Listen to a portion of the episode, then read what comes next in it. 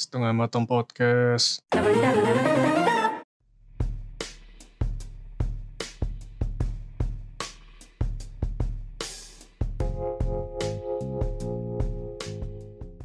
Ya, selamat malam, Pak Anas. Selamat malam Pak Yongki. Iya, akhirnya Setengah Matang Podcast dibuka lagi ya, beroperasi lagi akhirnya. Aduh, setelah dia mati suri ya. Hampir setahun Iya. ya mati surinya ya. Hampir setahun mati surinya, tapi Aduh. mhm. nggak cuma COVID doang yang bikin ini ya, pekerjaan mati suri ya. Podcast juga mati suri. Cuman kita hidupin Iya. lagi sekarang. Hmm. Bagus lah. Ngomong-ngomong soal ini, mati suri, Pak. Hmm? Saya mau bicarain topik yang temanya adalah eh, apa ya bisa dibilang ya? Salah satu hobi game bisa dibilang itu ya? Atau Hmm? bisnis game, video game yang mati suri di Indonesia. Namanya Dingdong. Oh, kenapa ya namanya dingdong ya? Hmm, kurang tahu juga sih kalau dari referensi saya yang saya ikutin. Mungkin karena ini mungkin mungkin karena suaranya terutama yang mesinnya bunyinya ding dong ding dong ding dong gitu. Itu enggak? Eh, pas pas pertama kali ya eh nah dingdong itu muncul. Hmm, maksudnya di Indonesia kan kayak kita tuh udah taunya ya dingdong gitu. Nggak tahu kalau arcade itu tuh maksudnya dingdong hmm. sekarang aja udah udah keren gitu. Orang nggak nyebutnya dingdong lagi tapi jadi arcade Iya, karena udah bunyi mungkin juga karena suaranya udah nggak ding dong lagi, tapi suaranya udah lagu pop sekarang. anyway, kita pembicaraan adalah tema ya, mesin arcade atau mesin dingdong. Nah, kita kembali lagi nih ke tahun 90-an di mana mesin dingdong ini baru tenar. Lagi tenar-tenar ya, sorry. Lagi tenar-tenarnya dan lagi banyak-banyaknya nyedot recehan anak sekolahan. Jadi nggak cuma mesin arcade doang nyedot duit anak sekolahan waktu itu. Preman juga sih sama tukang bully di senior di sekolah gitu kan. Iya. Hmm, bener. Kita nggak usah ungkit-ungkit lagi lah pengalaman waktu sekolah dulu. PTSD langsung. PTSD langsung. Anyway, eh, game dingdong tuh ada banyak lah variasinya waktu zaman kita sekolah pak ya. Nggak sebanyak yang sekarang, tapi lumayan banyak lah udah waktu itu. Iya, banyak game-game terkenal dan revolusioner ya di zamannya itu. Dimulai dari game kayak ini shoot 'em up genrenya. Em ini game yang kayak Space Invader lah bisa dibilang. Atau 19 Sedap ini ah, Hmm. ah, ada ada nama lainnya kan Pak ya? Bullet Hell kalau nggak salah. Bullet Hell itu mungkin kalau saya bilang lebih kayak yang hampir nggak mungkin lah dimainin di arcade gitu. Hmm. Lebih susah lagi soalnya. Tapi, Tapi dia anak- masuk ke dalam si shoot 'em up ini ya. bisa dibilang subgenrenya lah paling. Ah, baik. Mungkin ya, saya nggak tahu juga. Tapi buat anak SD seumuran kita dulu kayaknya shoot 'em up udah bilang bullet hell sih. Iya, karena ngelihat pelurunya segitu banyak dan kencengnya gitu. Hmm. Kadang-kadang ngelihat ada abang-abang main, wih jago banget nih orang mainnya. Nggak kena-kena. Begitu kita Wah. yang main gitu, baru jalan dikit belum. Iya. Mungkin ini abang-abang udah pakai putau mungkin jadinya jago. Kelihatan Wah. lambat semua ya. Iya, waktunya melambat 0, sepersekian sepersekian detik kan. Eh, begitulah si abang-abang pakai putau jago gitu main shoot. Jadi selain 'em up apa lagi genrenya? Ada juga namanya ini kalau bisa dibilang mesin yang cuma kelihatan di tempat yang rada-rada ini, yang rada-rada banyak orang-orang dewasa ngumpul. Mesin pinball. Oh iya iya benar pinball. Itu biasanya uh, ada disediain asbak tuh di sebelah mesin pinballnya tuh. Iya, atau enggak di sebelahnya ada mesin eh mesin lagi meja biliar biasanya. Oh iya benar. Hmm. Untungnya di Indonesia dilarang miras ya. Kalau nggak udah deh ada miras tuh sekalian. Iya kalau Iya. Gitulah. Tapi, tapi biasanya mesin pinball rusak sih, soalnya dibanting-banting mulu sama yang main. Iya. Hmm, Biasanya salah satu tombolnya udah nggak bisa lagi tuh dipakai, jadi nggak ngeflip dia. Iya. Nggak mau bagus mukulnya dia ya. nggak kuat Eh. lagi. Ini mau mau dijelasin dulu gak sih ini pinball? Mana tahu ada yang nggak tahu gitu atau nggak punya PC zaman dulu. Eh, mau jelasin gimana ya? Bisa dibilang cuman mesin pinball tuh ya ya mesin apa ya? Ya yang penting bolanya nggak sampai jatuh aja ke bawah. Kita Ya, ketok ya, ketok terus. yang penting jangan sampai bola yang anda mainin jatuh ke bawah gitu. Kalau udah gede bola kita yang dimainin ya. Iya, dan jangan lupa pukul dan jangan lupa pukulin mesinnya seperti anda mukulin istri anda gitu. Kalau dia nggak bener bolanya pukulin gitu kan. Aduh, bentar, bentar Pak. Ini baru mulai loh podcastnya loh. Baru bangkit dari mati suri. Udah, udah langsung go into the dark ya. Ya nggak masalah pak, kan zaman covid ini kekerasan dalam rumah tangga naik jumlahnya kan, biar lebih Hmm. relatable sama sama orang-orang yang mendengarkan gitu. Aduh, jangan deh. Kalau pukul-pukulan mendingan main game berantem deh. Kayak Street Fighter 2 tuh dulu. Nah, Ada itu juga salah satu salah satu genre yang sangat terkenal dulu ya zaman-zaman dingdong ya, mesin Ya. dingdong. Fighting Hmm. game. Kalau Pak game. Anas dulu fighting game pertama kali main apa dulu? Ya, saya tuh dulu bukannya Street Fighter 2 ya. Karena pas zaman kecil itu tinggalnya di Sumatera. Jadi tempat-tempat dingdong itu tuh biasanya yang jalanin ya kokoh-kokoh gitu lah. Terus kayak lantai duanya itu sebenarnya jadi tempat judi. Hmm. Jadinya ya selalu dilarang sama orang tua sih buat main dingdong. Padahal pengen banget tuh waktu zaman-zaman SD main dingdong. Jadinya, ah, jadinya tuh sebenarnya malah main, main dingdong itu justru pas sudah mau SMP. Makanya game fighting pertama saya itu justru Virtua Fighter yang keren banget itu di zamannya. Di zamannya ya. Iya, game fighting 3D walaupun ya kontrolnya jelek, bentuknya muka karakternya jelek. Animasinya kaku gitu. Ya animasinya kaku, terus nggak ada apa tuh abu get nih kayak di Street Fighter. Abu gitu. itu gara-gara speakernya jelek banget nih. Hei, abu get. ya kita kita juga belum terpapar dengan budaya Jepang kan, jadi nggak tahu ngomong apa. Eh kalau Pak Yongki main gamenya apa dulu? Apa fighting gamenya? Iya fighting game. Kebetulan saya dulu deket sekolahnya sama tempat arcade, tempat dingdong yang isinya tuh cuman mesin-mesin fighting gamenya SNK. Tuh keren banget. Mm, jadi saya game fighting pertama kali saya pertama saya itu waktu itu Samurai Showdown. Wah, itu tuh revolusioner tuh dengan darah-darahnya tuh. Heeh, bisa dibi- Untung nggak ada orang tua waktu itu ya. Eh orang tua nggak peduli juga deh sama darah-darah. Di Indonesia Iya. kan pedulinya sama pornografi. Ya betul sih. Mm-mm. Tapi mereka nggak tahu saya sukanya main Samurai Showdown karena na- ada Nakoruru sih. Wah, dah. Hmm, dipikir anaknya main Samurai Showdown gara-gara oh ya Homaru keren ya gitu. Apa Mm-mm. eh, berotot orangnya ya maco ya ini Iya, anak anak saya pasti main gara. Mm-mm, anak saya main pasti gara-gara ini. Padahal dalam hati mikir ah Nakoruru imut ya pengen main dia. Bisa gelantungan lagi Nakorurunya. Iya naik elang gitu. Ini udah kayak bibilong. Iya. Ketahuan umur ya kan. Terus eh, saya juga main ini sih salah satu favorit saya Darkstalkers. oh, nggak nggak belum pernah ketemu tuh Darkstalker sayangnya. Hmm, Oh, itu ingin bisa dibilang kabinet kabinet arcade yang paling baru waktu itu sih di tempat itu. Soalnya masih ber- masih bersih dia. Oh, Hmm, sama fight sama fight sama fighting sticknya masih mulus gitu. oh, jadi kalau mau ngeluarin jurus gampang ya. Gampang. Terus kalaupun apa? Kalau yang dilawan bilang kalah gara-gara stick arcade-nya jelek, ya nggak bisa, nggak ada alasan gitu. Karena masih baru ya. Iya, karena masih baru. Aduh, rebutan dong mainin Morrigan. Iya, rebutan, tapi nggak ada yang bisa main juga sih. Main Morrigan-nya jadi nggak masalah. gitu. Kayak gitu. Terus ada juga genre lain nih, kita lanjutin.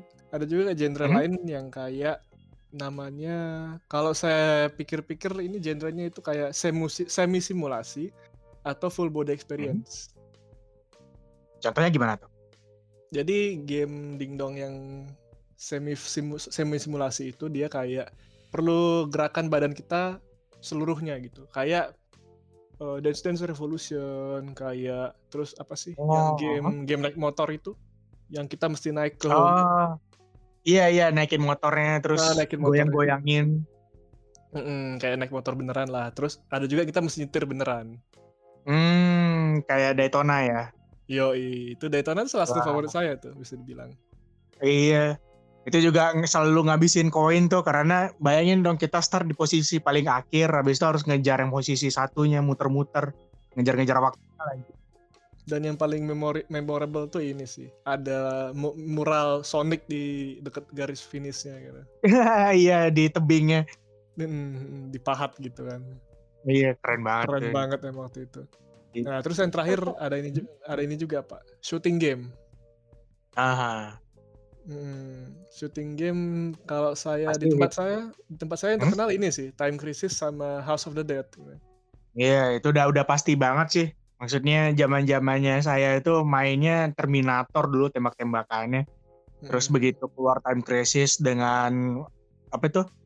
Ada fitur bisa sembunyi gitu loh kalau kita Eh, pedalnya kita tarik fitur ya. cover itu, fitur fitur cover. Iya. Hmm, Pokoknya kalau kaki kita lepas dari pedal kita bisa sembunyi. Wah, tuh keren banget sih. betul betul. Hmm, Kalau House of the Dead itu dulu karena masih kecil ya mainnya terus suka takut gitu ngelihat monsternya. Mm-mm. Mana- Ya, karena- Terus mana ada darah-darahnya lagi ijo-ijo gitu kalau ditembakin. iya.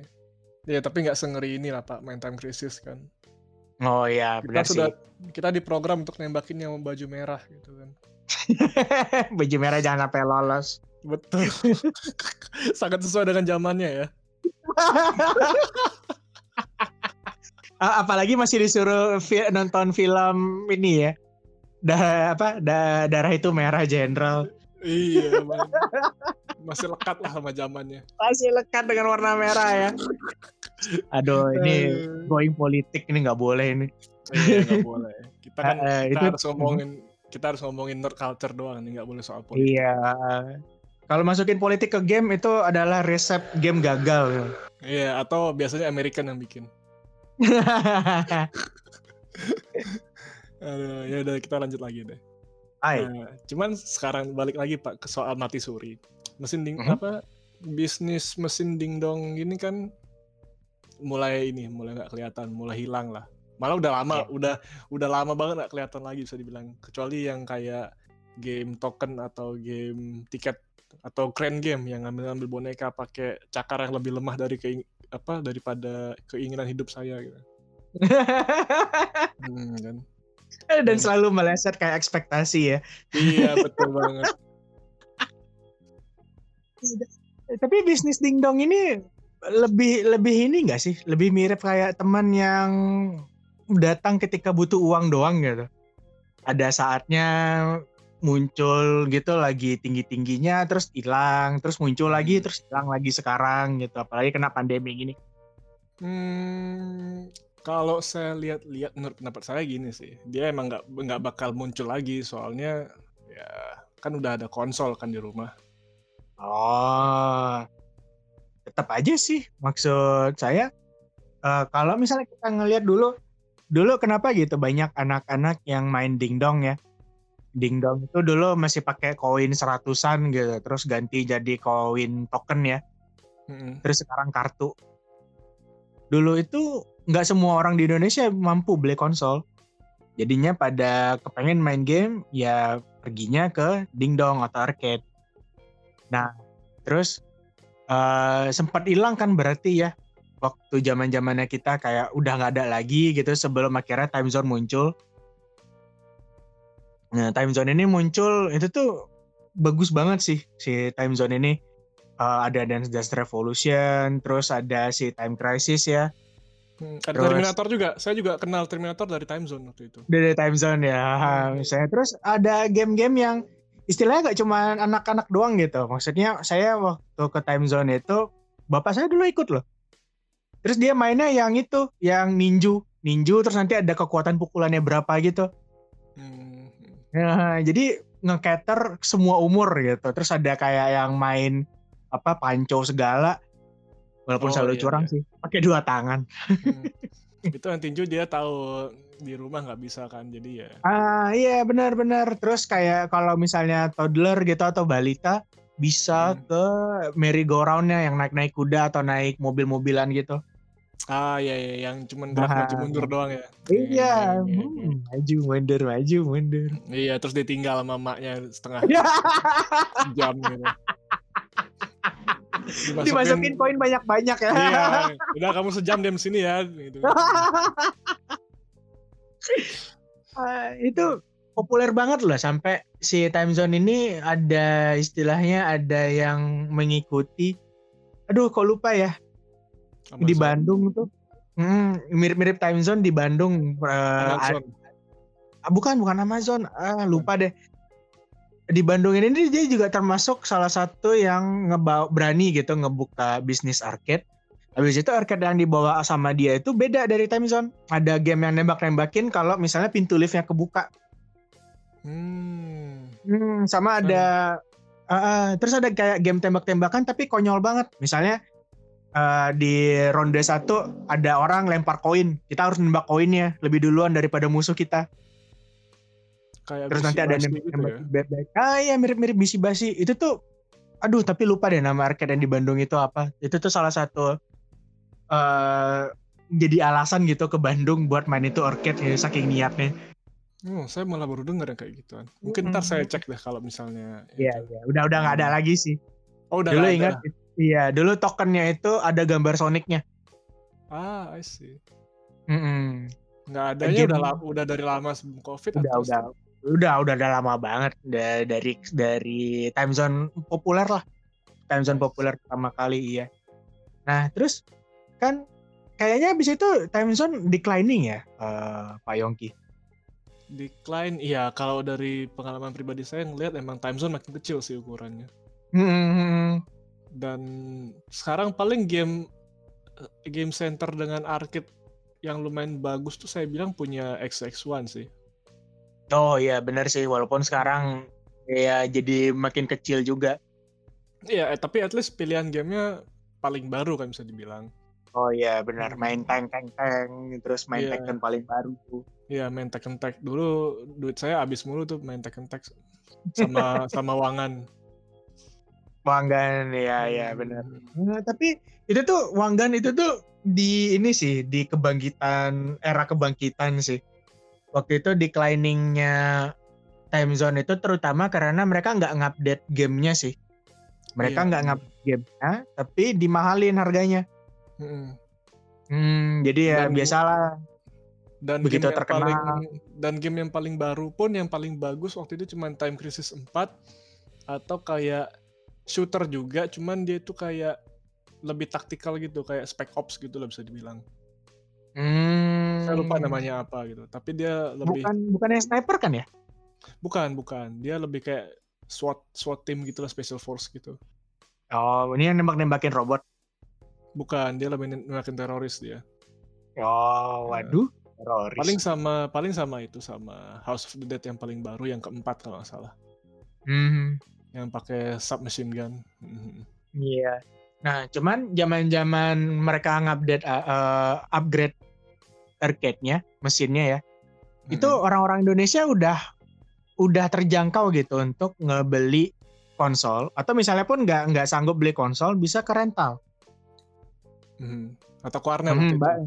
Iya, iya, kata ke warnet. Bayangin dong ke warnet atau misalnya rental PS eh, let's say 10.000 sejam gitu. 10.000 kita dapat apa di time zone? Nggak dapat apa-apa. Bener. paling satu game Mm-mm, satu game terus kalau misalnya mainnya bego ya udah Habis 4000 dalam 5 menit. habis. ya dalam lima menit kurang malah kadang-kadang Bener bener. Cuman Mm-mm. belakangan ini saya dengar-dengar, Pak. Mhm. Mesin arcade di Indonesia ini mulai dicari-cari lagi loh. mesin arcade yang jadul punya gitu Yang ya mesin terutama yang fighting game ya. Mhm. Mulai dicari-cari kolektor biasanya. oh kenapa tuh Hmm. Soalnya kan biasa di umur kolektor-kolektor nih biasanya di umur mereka udah udah bisa beli rumah. Terus Hmm. setelah ngera- ngerayu istrinya akhirnya dikasih lah beli mesin arcade bisa ditaruh di satu kamar yang kosong gitu di rumahnya. gitu. Mhm. Mama mama mau mau di madu atau beliin arcade gitu ya? Yoi, mama aku mau poligami atau beli mesin arcade gitu kan. Eh kalau kalau dipikir-pikir terus kenapa nikah gitu ya udah nggak usah nikah nggak usah punya anak beli aja rumah sama arcade. ya kadang-kadang eh tapi kalau misalnya nggak punya istri nggak ada yang diajak main ini punch out pak. Oh iya benar. Ayo mikirnya gimana gitu lagi sih lagi asik main terus disuapin istri kan enak. Kenapa punch out astaga? Ya udah cooking mama deh kalau gitu deh. cooking mama. Itu ada arcade-nya ya dulu ya? Sempat ada kan ya? Oh saya nggak tahu kalau ada sempat arcade nih. Nah, ada ada. Eh, perasaan ada deh di di dekat-dekat game yang pakai kartu-kartu untuk anak-anak cewek gitu loh. Oh, Iya iya iya kayak pernah. Hmm. Tapi di di Bandung itu nggak ada saya. Oh. Nah, hmm. terus ini juga Pak penjual ka, penjual kabinet di dingdong yang rekondisi mulai bangkit hmm? juga gitu. Oh iya sih keren sih. Maksudnya kita bisa main terus terusan tanpa continue masukin koin. Hmm. Hmm. Terutama di warung-warung kopi biasanya sekarang saya lihat. Oh iya iya iya pernah tuh datengin. Jadi hmm. ada ada warung kopi sebenarnya nggak nggak nggak pantas dibilang warung kopi ya kedai kopi juga nggak pantas sih itu lebih kafe deh kafe iya kafe iya ada ada saya saya pernah lihat kafe terus ada SNK punya arcade jadi semua gamenya SNK di arcade itu kita bisa milih hmm. Iya, itu tuh. Dan, dan cuma modal tiga puluh ribu doang ya beli kopi sama iya, cemilan. Iya, mm Iya, yeah, apalagi ajak ajak teman gitu yang sama-sama nerd dan tua. Hmm. Terus berantem mau, main, mau mainnya apa gitu, mau mainnya Garo atau mau mainnya ini Metal Slug. Gitu. Oh nggak mau, maunya main itu uh, Sailor Moon. Sailor Moon fighting game. Iya Sailor Moon fighting game. saya juga lu, saya juga baru inget genre yang kayak gitu-gitu yang kayak iya, itu. Beat them up, beat them up, ya. Beat them up, ah itu dia. Uh, uh, mirip apa sih? Yang ada salah satunya karakternya jadi jadi mayor. Fatal Fury. Hmm, ini Fatal Fury ya? Fatal Fury kayaknya deh. Yang ini kan yang Final Fight. Final Fight, nah, astaga Final Fatal Fury ya, lagi. Agar, agar. Iya iya iya, yang hmm, si Kobe, iya. ya, salah pemeran lagi satunya Kobe kan namanya. Iya, itu tuh juga itu juga terkenal tuh. Iya, yang muncul akhirnya di Street Fighter 5 muncul juga dia. Hmm. 5 ya? Atau di Third Strike juga muncul, saya lupa juga deh. Ya, ingatnya cuma di Marvel versus Capcom dia muncul. Iya, saya bukan fans beratnya Capcom juga soalnya. itu banyak banyak banget itu yang beat them up. Ada yang ingat tuh dulu saya ada ke sebuah hotel ya, di pegunungan di Sumatera Utara. Iya, itu, itu, itu, itu hotel ada loh dingdongnya. Terus maksudnya ketika para bapak-bapak, ibu-ibu dengan urusannya sendiri gitu ya, kita hmm. ke anak-anak ke mesin dingdong ya. Terus ada beat beat them up yang mukul-mukulin dinosaurus gitu. Apa Kapten Komando? iya bukan ya mirip Kapten Komando. Eh, tapi lupa deh. Ini pokoknya ada ada mukul-mukulin dinosaurus aja. Nah, Enggak inget. Yeah, ya. good old days. Mm-hmm. Good old days memang good old days. yeah, jadi ngomong-ngomong lagi Pak, balik lagi ke topiknya. Hmm? Ini punya nggak? Apa sih? Suatu harap suatu hari nanti berharap nggak punya itu juga punya uh, whatever namanya. Saya lupa mau ngomong apa. Oh ya, punya ini, punya mesin arcade sendiri. Oh, tentu. Ya. Tentunya, tentunya setelah punya uh, rumah dan punya dan punya cukup uang ya gitu. Iya, tentunya bisa makan dulu sih. tentunya, tentunya punya rumah dulu, punya istri dulu, sama punya cukup uang dulu ya gitu. Ah, nggak usah istri ya. eh, tapi kalau nggak ada istri nggak bisa punya anak ya? Ya anak bisa adopsi lah atau ngambil dari jalan gitu kan. Oh iya juga ya. Ya sebenarnya dulu dulu ya punya cita-cita tuh punya uh, punya mesin arcade yang kayak Dance Dance Revolution. Mm-hmm. Hmm, jadi kita bisa main bareng gitu. Karena kan kalau misalnya di port ke dalam konsol kan harus ada kontrolernya sendiri kan. Iya. Nah itu kayak kurang asik gitu loh. Jadi dulu tuh ih pengen deh punya nih mesinnya Dance Dance Revolution di rumah. Kalau Pak Yongki kepengennya mesin apa? Daytona USA sih. eh itu masih ada loh mesinnya loh. Beneran? Masih masih dijual. Masih, uh, uh, enggak yang yang di arcade-arcade kecil gitu juga masih ada kok di mall-mall kecil sih Daytona. Ya, cuman sejauh ini saya cuman paling dua ada dua atau tiga mesin doang gitu. Iya, terus ini Daytona ini yang uh, kursinya bisa gerak-gerak nggak sih? Beda ya? Enggak, dia nggak bisa gerak. Paling cuma nyesuaiin depan sama belakangnya aja buat leg space. Ah. Hmm. Cuman eh, saya pengen juga saya bermimpinya sih punya delapan sih, jadi bisa main berdelapan langsung gitu. Wah keren banget. Jadi ya, satu race bisa delapan orang gitu. Iya butuh teman dulu sih itu. Aduh. Uh, punya nggak? Kayak lebih sulit mewujudkan punya teman daripada punya rumah sih. eh tapi genre racing itu yang circa berapa ya? Kayak 2015 2016 deh. Jadi hmm. orang banyak lagi ke arcade buat main itu one gun. One gun atau ini inisial D punya kalau nggak salah. Iya, itu itu sampai ada ada ya selain orang-orang kaya yang selalu ngegesek sampai satu juta ya. Ada juga orang yang luar biasa kaya akhirnya ngebeli mesinnya buat dia mainin di rumah. Terus main segitu hebatnya. Dia? Oh, kan bisa main online dulu. Oh iya iya bener main hmm. online ya. Iya, jadi uh, uh, jadi kalau emang nggak punya temen jadilah orang kaya.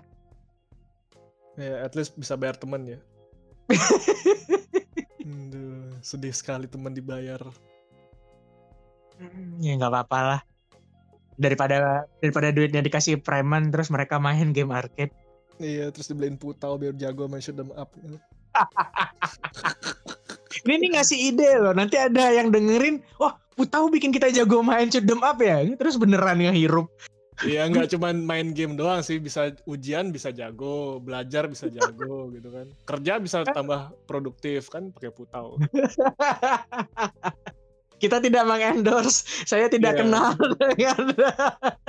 saya nggak jualan Putau dan tidak pakai, tapi kalau anda perlu uh, apa sih doping gitu kan? Iya. Biar gak capek. Iya, cari sendiri tapi. Paling minum itu jual putau di, uh, dijual putau tapi ternyata isinya puyer cap bintang tujuh gitu. Aduh ketahuan kan ngomong puyer cap bintang tujuh. Eh, nggak tahu belum lahir. Iya iya iya. Aduh. Ini terakhir Pak sebelum kita tutup dah. Apa tuh? Akhir-akhir ini masih suka ke arcade nggak? Ya dengan pandemi gini kan juga arcade-nya ditutup. Ah, ditutup ya? Ditutup iya. Hmm. Uh, kayak bukan Amazon ada di Jakarta tuh ada juga namanya Amazing World. Hmm. Hmm, itu kayaknya terakhir kali 2018 sih saya maininnya. Mainnya itu loh. Uh, Rhythm Fader yang nepok-nepok mesin I see. Yeah, Rhythm Fighter tuh lebih kayak gabungannya Space Invader sama game Rhythm gitu bukan? ya mirip-mirip lah. Mirip-mirip ya. Aha, Dan kalaupun yes. kalaupun arcade dibuka bakal tetap buka hmm. arcade nggak pak? Misalnya siapa, siapa tahu 20 tahun ke depan arcade hmm. masih akan ada, tapi hmm. mas, bakal sering ke sana nggak main? Atau nggak ini? Atau nggak malah pindah terus? Pindah main konsol sama PC doang? Hmm, jujur sih pesimis ya dengan kebangkitan arcade. Hmm. Karena karena kita kiblat arcade itu kan pasti dua nama besar ya negaranya, Jepang dan Amerika ya. Jepang itu sendiri arcade-nya sudah mulai diganti-gantiin dengan mesin pachinko. Hmm, jadi kayak US, kayak hmm? di US sendiri gimana? Nah, kalau di US di US itu juga semakin sedikit sih yang udah main ke arcade biasanya ke arcade ya mainnya kayak pinball atau game-game ya yang tidak bisa dimainkan di PC dan di konsol. Apalagi sekarang arcade-nya itu berubah jadi uh, apa sih namanya tuh VR. VR. Oh, sama ini yeah. juga bukan. Terakhir kali saya cek video orang-orang ke arcade Amerika tuh mereka pada main kayak yang ya token game atau yang tiket yang keluarin tiket terus-terusan itu. Iya, iya, bukan bukan kayak kita dulu yang main Samurai Showdown, main Dodon Patch, main Flash Zero gitu. Ah, sama yang selalu, saya selalu kesal tuh main Metal Slug kalah terus. nah, jadi eh, jadi jadi jadi bisnisnya emang berubah ya sesuai zaman ya. Mungkin di Indonesia juga udah mulai juga sih. VR itu juga udah mulai muncul. Cuman karena mahal orang-orang juga belum terkenal. Arcade waktu pertama kali buka.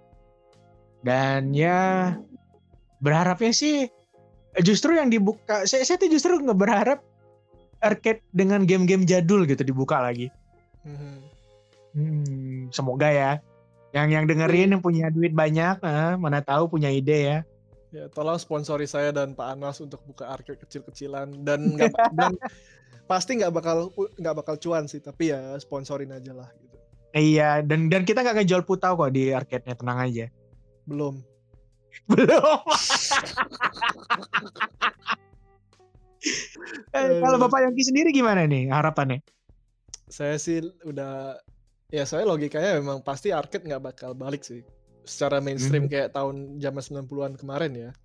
Iya, iya. Tapi bakal ya jadi niche market gitulah. Jadi cuman ya paling satu dua cafe yang punya satu mesin gitu kan. Hmm. Atau apa? Atau satu satu rumah satu kolektor gitu yang punya beberapa mesin. Terus yang bisa main oh. cuma teman-teman sama anaknya doang gitu kan. Anaknya juga nggak dikasih sih pasti. Uh, Antar rusak? Enggak, anaknya dikasih main. Tapi tapi itu kalau udah dewasa dikit gitu. Ah ya ya mm so, kasih Mortal Kombat ya? Enggak enggak sih enggak dikasih Mortal Kombat dikasih apa ya anak yang bikin yang bisa bikin anak anak stres. Hmm. bingung saya. Nggak pernah ini sih nggak pernah nggak pernah berusaha sama anak soalnya. Not in near future juga kayaknya sih mungkin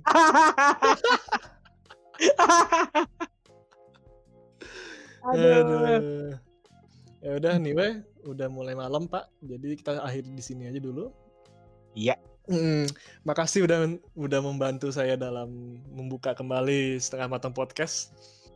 Moga-moga next time masih bisa Pak ya. Iya, semoga iya. semoga udah udah saat ini prosesnya menjer menggerakkan jempol kaki ya. Iya bener masih wiggle hmm. wiggle the big toe ya. Soalnya Belum proses, sepenuhnya jalan. Iya, next step kita ini ngancurin kepala perawatnya pakai pintu.